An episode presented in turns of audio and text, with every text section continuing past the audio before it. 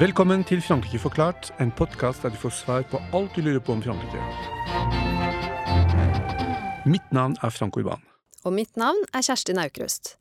I dagens Frankrike forklart skal vi snakke om fransk og norsk diplomati. Fransk diplomati har hatt mange høydepunkter opp gjennom historien. Mange husker kanskje tidligere utenriksminister Dominique de Villepins lidenskapelige og velartikulerte tale i FN i 2003, der han talte mot en invasjon av Irak, eller president Macrons oppfordring til å gjøre vår planet great again i 2017, etter at Donald Trump hadde trukket seg ut av Parisavtalen. Frankrike markerer seg altså stadig vekk på den utenrikspolitiske arenaen. Det gjør også Norge, men på en annen måte, selvsagt. Hvordan driver de to landene sitt diplomati, og hva tenker de egentlig om hverandre? Med oss for å snakke om dette har vi Dag Wernø Holter. Velkommen! Tusen takk. Dag er nylig pensjonert norsk diplomat. Han var i utenrikstjenesten fra 1982 og var nestleder ved ambassaden i Paris mellom 2002 og 2006. Etter å ha vært ambassadør i Reykjavik fra 2010 til 2014, ble han visegeneralsekretær og daglig leder av EFTA-sekretariatet Brussel-avdeling, som særlig eh, har ansvar for arbeidet med EØS-avtalen fra 2015 til 2018. Dag. Norge og Frankrike er to land med et uh, ulikt utgangspunkt for å drive utenrikspolitikk. Norge kan beskrives som småstat, mens Frankrike er mer en regional mellomstormakt. Størrelsen betyr allerede åpenbart noe for ressurser. Uh, hvor omfattende er fransk diplomati i forhold til det norske når det gjelder antall ambassader og ansatte? Ja, det er klart at Frankrike har jo en, en langt større utenrikstjeneste enn vi har. Den er vel fem-seks ganger så stor som den norske, regnet i antall ansatte. Det betyr at de, de har et sted mellom 13 000-14 000 ansatte. Eh, og de har mer enn, langt mer enn dobbelt så mange utenriksstasjoner som vi har. Altså ambassader, delegasjoner, generalkonsulater og, og konsulater med utsendt personell fra, fra Frankrike. Så, så, det er klart, det er mye større apparat enn det norsk utenrikstjeneste er. På den annen side så er det nok også riktig å si at norsk utenrikstjeneste er relativt stor i forhold til andre land som det er naturlig for oss å sammenligne oss med sånn størrelsesmessig. Vi har faktisk eh, omkring 100 utenriksstasjoner. Eh, eh, vi er til stede eh, med bilaterale ambassader i 70-80 land. Altså nesten halvparten av FNs medlemsland. Frankrike er naturligvis til stede i langt flere land. De er, tror jeg, ikke riktig alle FNs medlemsland, men, men kanskje fall 140-150 land med bilaterale ambassader. Så det er klart at dette, dette er jo en, en, viktig forskjell mellom norsk og, og fransk utenrikstjeneste. Mm. De siste årene så har man snakket i den franske debatten om en, på en måte en, ned, en, en ned Skalering. Eh, skalering av fransk diplomati når det gjelder antall ambassader og antall ansatte, ikke minst pga. økonomi. Har, har, har, Norge opplevd det samme? Eller? Ja, Vi har jo også på norsk side et press uh, på ressurser i, i utenrikstjenesten. Det er, det er klart. Uh, likevel så er det nok også noen hos oss som mener at vi Eh, ikke er flinke nok til å konsentrere ressursene våre eh, om det som er eh, si, norske kjerneinteresser. Men det er en, en stor diskusjon, og vi kan jo kanskje komme litt mer inn på det etter hvert også. Ikke sant.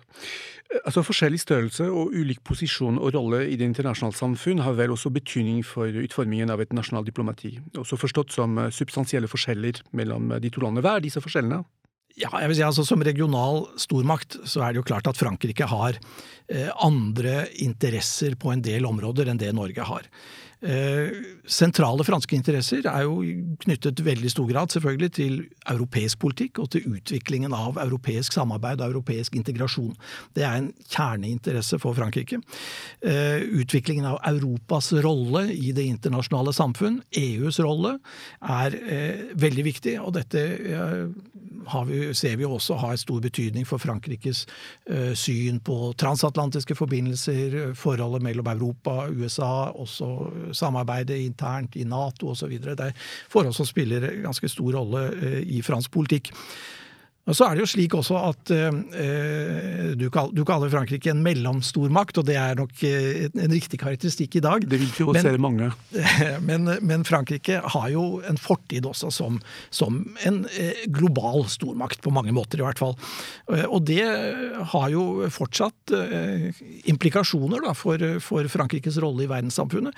F.eks. For det forhold at Frankrike fortsatt er fast medlem av FNs sikkerhetsråd. Eh, og både det og, og, og Frankrikes historie og, og, økonomiske interesser gjør at Frankrike har globale interesser på et annet nivå enn det Norge har. Frankrike er jo også en tidligere kolonimakt, som vi vet. Dette spiller jo også inn når det gjelder Frankrikes tilstedeværelse i, i mange deler av verden, og, i forhold til deres globale interesser. Også økonomisk og, og ikke minst kulturelt, som vi skal komme inn på litt senere, kanskje. Og Hvis du da ser på, på Norge i forhold til dette, så er jo utgangspunktet for norsk utenrikstjeneste, som vi husker, det var jo da i forbindelse med unionsoppløsningen at man på norsk side mente at Sverige ikke tok nok hensyn til norske skipsfartsinteresser. Eh, så det var en veldig sånn snever, eh, veldig snevert fokus i, i norsk utenrikstjeneste de første tiårene etter unionsoppløsningen i 1905. Etter krigen så har jo dette etter andre verdenskrig så har jo dette utviklet seg veldig. Eh, først og fremst da kan vi si etter krigen i, med, med, sikkerhetspolitikk, forsvarspolitikk. Vi gikk inn i Nato. Eh, vi var jo merket av, av eh, det som skjedde under andre verdenskrig, naturligvis. Men vi var jo også med på å grunnlegge FN i 1945.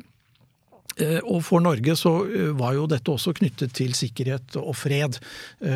Betydningen av et internasjonalt samarbeid som sikrer også interessene for en småstat, altså utviklingen av folkeretten. Veldig viktig for Norge som en småstat.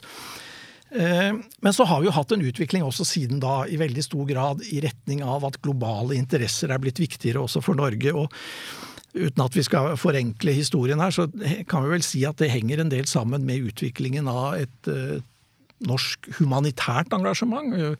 Utviklingshjelpen som kom til da på, på 50-tallet, ikke sant. Og her uh, så man vel da, uh, igjen i fare for å forenkle litt, men man så litt hvordan uh, skal vi si, norske sosialdemokratiske tradisjoner for internasjonal solidaritet fant sammen med tradisjonelle protestantiske tradisjoner, og vi fikk en slags sånn moralsk, politisk engasjement i forhold til verdenssamfunnet, humanitært, forhold til utvikling osv. Norge og Frankrike har jo en ulik historie og en ulik tradisjon for diplomatisk arbeid. Kan vi, kan vi, snakke om to ulike diplomatiske kulturer? Eh, jeg tenker f.eks. på hvor lett eller vanskelig det er å bli diplomat, og hvem som er diplomat i eh, Frankrike og, og, og Norge. Vil du si at Frankrike er mer elitis, elitistisk enn Norge på det punktet? For å, det, for å, ta det, siste først, da, eh, om Norge, Frankrike er mer elitistisk enn Norge, så tror jeg vel det enkle svaret er ja. Vi kan det. det er helt klart. Og, og, og, dette henger jo sammen med ulik historie, ulike tradisjoner, ulike økonomiske og sosiale strukturer. Eh, Norge er, har jo en helt annen historie enn Frankrike, eh, som har formet norske mentaliteter og norske, norske samfunn på, på en helt annen måte. I tillegg så har vi jo dette med utdanning utdanningssystemene som er ulike. I en tidligere episode her av podkasten så snakket dere jo mye om dette med eliteskolene, og, og dette systemet er jo fortsatt med på å prege fransk administrasjon fransk forvaltning, eh, og ikke minst da fransk eh, diplomati. Det er en betydelig andel av eh, franske diplomater som kommer nettopp fra eliteskolen École nationale d'administration, ENA. Ikke sant? Og det, det setter åpenbart også preg på, på, fransk diplomati. Når det gjelder det norske, så har jo vi også i norsk utenrikstjeneste dette systemet med opptaksprøver. Altså opptak til dette aspirantkurset. Og det er jo UD er vel en av de meget få institusjoner i det norske samfunn som har den type opptaksprøver. Og eh, Frankrike har jo også dette med Concours-opptaksprøver eh, både til UD og til andre, andre, deler av forvaltningen. I en viss forstand så er jo dette med opptaksprøver en slags det er noe demokratisk ved det. Alle kan, kan melde seg på, og, det, og det, du skal prestere. Og, de som presterer eh, da, de, de, kan da komme inn. Men eh, samtidig så er det en forutsetning for at dette skal fungere demokratisk, det er jo at du også har et, et demokratisk utdanningssystem som ligger i bunn. Ut fra liksom egen personlig erfaring så vil jeg jo si at, at eh, UD i veldig stor grad speiler mangfold. Både geografisk, og utdanningsmessig og sosialt. Eh, ganske bra spredning, vil jeg si. Eh, ideelt er det kanskje ikke, det er veldig få ting som er det. Men, men jeg vil si altså hvis du sammenligner med, med fransk utenrikstjeneste, så, så vi er, er, nok vi i mye større grad et, et speil av det norske samfunn som helhet. Selv om UD selvfølgelig også stiller krav om, om høyere utdanning, og, og for så vidt høye krav i disse opptaksprøvene og sånn. Mens vi er inne på dette med opptaksprøver, har du noe råd til norske studenter, eh, andre som har et ønske om en karriere som diplomat i Norge? F.eks. Hva, hva skal til for å lykkes eh, på disse opptaksprøvene? Er det noe annet som er på en måte lurt å ha med seg i bagasjen, da, hvis man har en diplomat i magen? Ja, det første er jo at eh, man må, man, må, man må, jo kjøre et utdanningsløp. Altså, det er vel ingen som kommer inn på aspirantkurs i dag som ikke har en fullført master. Eh, jeg tror også at eh, det er viktig kanskje også å vise kunne vise til et engasjement utover bare studiene. altså At man har vært engasjert kanskje i organisasjonsarbeid, at man har litt internasjonal orientering. At man kanskje har studert ut i utlandet en periode, ikke nødvendigvis hele studieløpet, men en periode. At man, eh, at man har kanskje engasjert seg i eh, internasjonale organisasjoner på en eller annen måte. Det er mange i dag som, som søker aspirantkurset som også har vært innom enten en norsk utenriksstasjon eller en internasjonal organisasjon som, sånn trainee, ikke sant? altså praktikant. Så, eh, så det å, å, ha et utdanningsløp som ikke nødvendigvis trenger å være statsvitenskap, internasjonal politikk, det er vi er veldig mange i UD som har eh, filologisk bakgrunn, og vi trenger jo alltid jurister og språkmektige eh, personer er alltid velkommen. Eh, apropos eh, språk og, og, kultur, så er jo Frankrike kjent for å vektlegge det i eh, internasjonal eh, sammenheng. og i hvilken grad vil du si at det knyttes opp mot diplomatisk arbeid, og hvordan forholder Norge seg til det samme spørsmålet? Ja, Der tror jeg altså for fransk utenrikspolitikk og fransk diplomati så er dette med språk og kultur et veldig viktig element. Eh, og, og, og det er på en måte mye mer politisk enn eh, for oss i Norge. Eh, vi har jo dette uttrykket som franskmennene bruker, 'rayonnement de la France'. Jeg vet ikke akkurat hvordan vi skal eh, oversette det, men det Som utstråling. Utstråling tenkte jeg også på, men det er liksom, det, det er, er liksom mer som uh, går med på det personlige, kanskje. Men det er noe med sant, at dette er, dette er, også en refleks av Frankrikes historie som en stormakt. Ikke bare politisk, men også kulturelt, språklig. Og det henger jo også sammen med selvfølgelig at fransk språk i dag ja, særlig språk kanskje, er, er under press. Det, det, vet vi jo godt. ikke sant? Engelsk har jo overtatt. altså da for noen generasjoner siden så var det jo liksom fransk diplomatspråk, ikke sant. Men det, i dag er jo fransk, fransk, språk under veldig stort press fra, fra engelsk, til og med i, i europeisk samarbeid og i EU. Eh, men altså for Frankrike så har dette kulturarbeidet og språkarbeidet en, en, en, politisk betydning også. Eh, Norge legger jo også vekt på dette med norgesbildet i utlandet. Vi ønsker å støtte opp under norsk kulturliv og, og, og norske kulturaktørers ø, arbeid i, i, andre land osv. Så, videre. så Så det er klart, vi, vi driver jo også med dette. Og Du nevnte jo dette med, med fransk som diplomatisk språk. At eh, fransk sin status som sådan ikke er hva det en gang var. Tror du det kan endres eh, når eh, Storbritannia går ut av EU? At eh, Frankrike kan benytte anledningen til å ja, Det er en ganske interessant ja. situasjon. det der, fordi at uh, nå er det vel faktisk, Når Storbritannia går ut, så er det faktisk ikke noe medlemsland lenger som har, som har engelsk som sitt nasjonale språk i EU.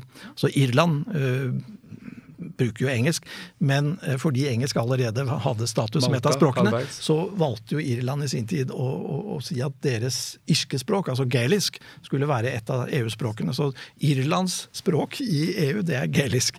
Men eh, vi har jo da eh, hatt denne utvidelsen med både skandinaviske, nordiske land, og ikke minst med de østeuropeiske landene, som har gjort at, at engelsk er blitt veldig dominerende. Da du startet din karriere, hvor, hvor, stor forventning var det for at folk skulle kunne både engelsk og fransk, eh, kontra situasjonen i dag? Altså, Føler du på en måte at eh, fransk har gått i bakgrunnen, og at eh, det eneste kravet er jo at man skal kunne perfekt engelsk? Eller spiller fransk fortsatt en viktig rolle, eller er det mer spesialisert ut ifra hvilken stilling man søker på? Jeg tror altså, Da jeg begynte, det er jo nå eh, snart 40 år siden, eh, det var jo ikke slik den gangen heller at det var et krav at man skulle beherske fransk. Men alle eh, måtte lære fransk, også de som ikke kunne noe fra før. Så det var jo en obligatorisk franskundervisning for, for alle som begynte på aspirantkurset. Og jeg er ikke helt sikker, må jeg innrømme, men jeg tror faktisk at det er slik at alle har litt franskundervisning også i dag. Men den store forskjellen som vi har sett nå over de siste ti årene, kanskje de siste ti årene, sånn 10-15 årene kanskje, eh, er jo at vi i større grad har begynt å legge vekt på i UD å rekruttere folk med kunnskap i andre språk også. altså Som man tidligere ikke la vekt på.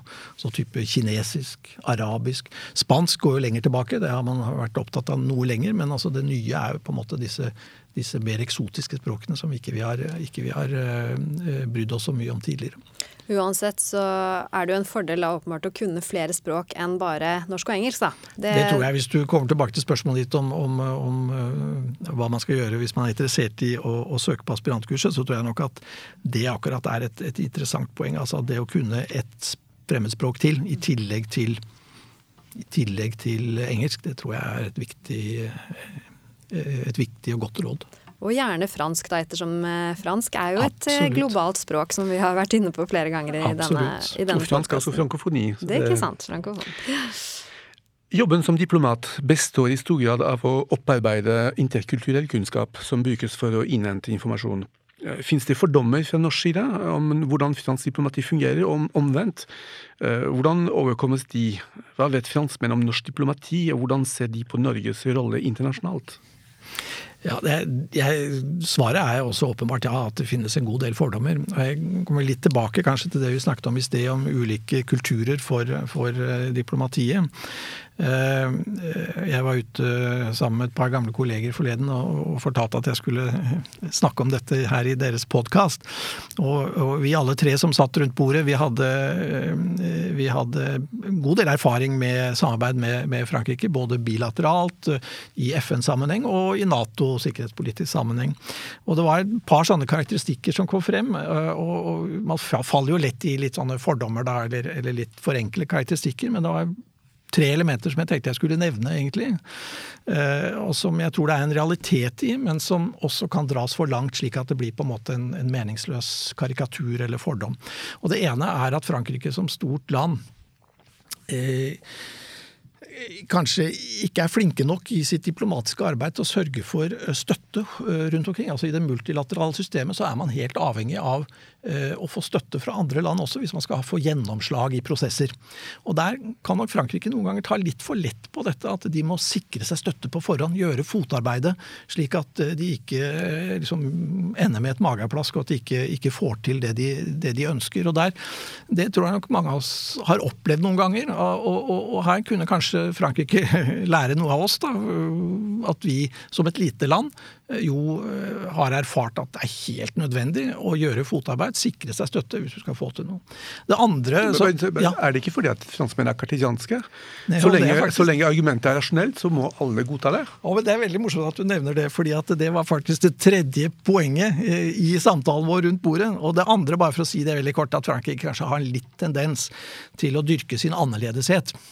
Eh, og Det gjelder også forholdet forhold til USA, det transatlantiske og litt sånne ting. Og så er det dette her med det kartesianske. Det er helt riktig, helt enig. Kan dere altså, forklare for lytterne hva dere mener med kartesiansk? Ja, altså det, er jo, det er jo den store franske filosofen Descartes fra 1600-tallet, som jo regnes som en av de store logikerne i filosofihistorien.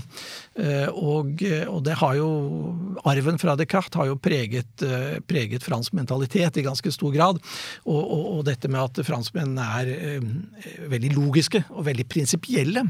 Eh, det er også noe som gjør at de liksom da ikke alltid er så innstilt på kompromisser. Kanskje litt rigide? Ja, mm.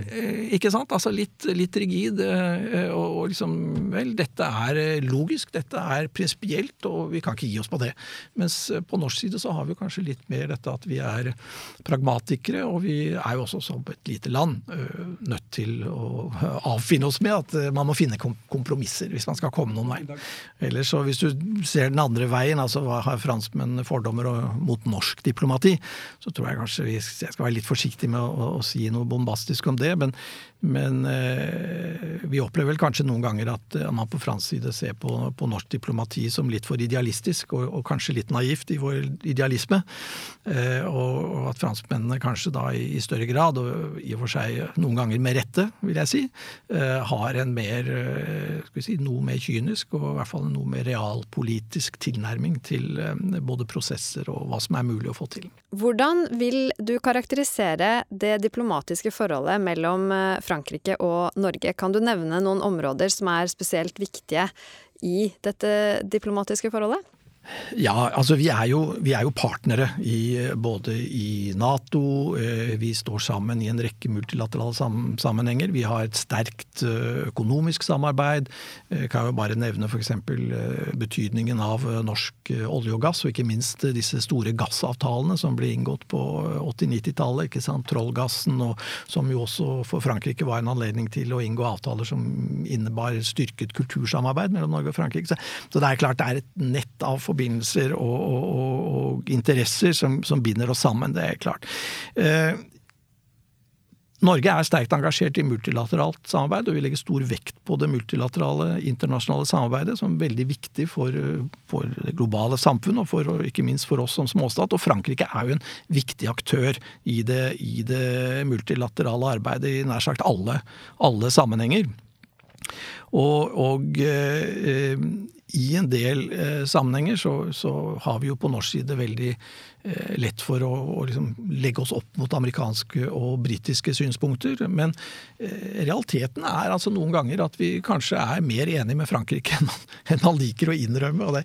Er, er, det endring nå? Altså, nå? nå? får du en, en, ny verden med Trump på den ene siden og Putin og Erdogan. Altså, er spillet blitt såpass endret at uh, det forholdet mellom de to landene er mer relevant enn før? Eller kan ja, uttrykkes er, mer tydelig? Jeg tror, ja, jeg tror det er et veldig godt poeng. Altså, det, de spenningene vi ser i det transatlantiske samarbeidet i dag pga. den administrasjonen som sitter i, i, Washington, det eh, har jo også bidratt til en større bevissthet om betydningen av det europeiske samarbeidet. Og Da er jo Norge i den spesielle situasjonen at vi står utenfor EU-samarbeidet, men, men, men, eh, det er klart Frankrike er en veldig viktig aktør der.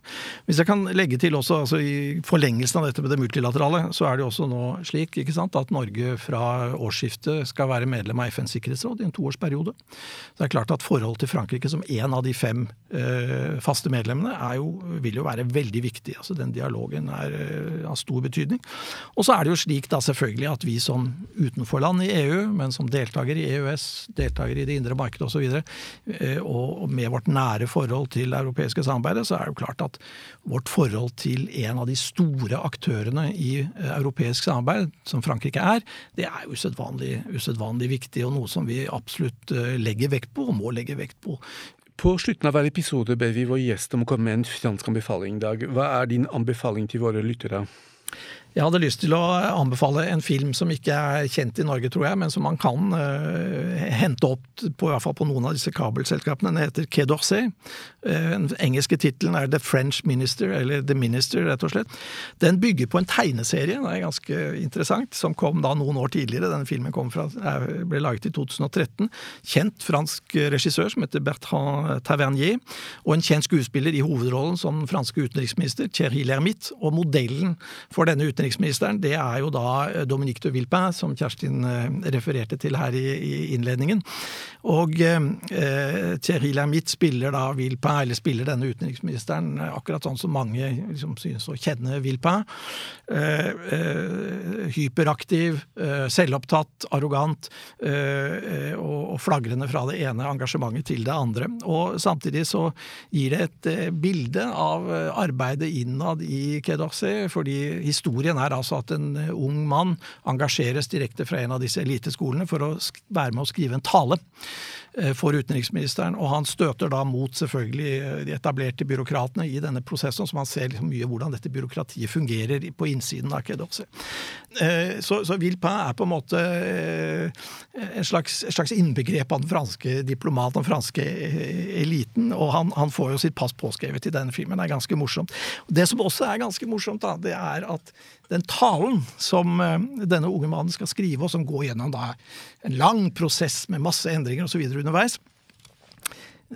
når filmen kommer til sin avslutning, så er denne talen altså den talen som du refererte til, Kjerstin, eh, som Vilpin holdt i Sikkerhetsrådet i februar 2002, før den, 2003, før den amerikanske invasjonen i Irak. Og, det er jo et, et glitrende eksempel på fransk diplomati, fransk utenrikspolitikk og fransk retorikk. Og Quai d'Orsay, det er jo da navnet på det stedet der Utenriksdepartementet ja, ligger i, i Paris. Det er adressen i Paris. Mm. Takk for anbefalingen. Kjerstin, har du også en liten anbefaling? Ja, jeg vil rett og slett anbefale alle som drømmer om å jobbe med utenrikspolitikk og diplomati, om å lære seg fransk, da. Til til våre yngste lyttere så vil jeg anbefale å velge fransk som fremmedspråk på skolen. Og videre anbefaler jeg å studere fransk på universitetet eller høyskole for å virkelig perfeksjonere kunnskapene sine, og det er mange utmerkede utdanningsinstitusjoner i Norge som tilbyr emner i fransk, blant annet de to som Frank og jeg representerer, Høgskolen i Østfold og Universitetet i Oslo. Velkommen skal dere være. Absolutt. Da gjenstår det bare å takke vår gjest Dag Werner Holter. Så høres vi igjen på neste episode av Frankrike forklart. Au revoir. Denne podkasten er et samarbeid mellom Universitetet i Oslo og Høgskolen i Østfold. Abonner på Frankrike forklart på iTunes, Spotify eller på andre plattformer der du lytter til podkast. Har du kommentarer til oss eller forslag til temaer vi bør ta opp, kan du sende inn det via vår Facebook-side Frankrike forklart. Her vil du også finne informasjon om dagens episode.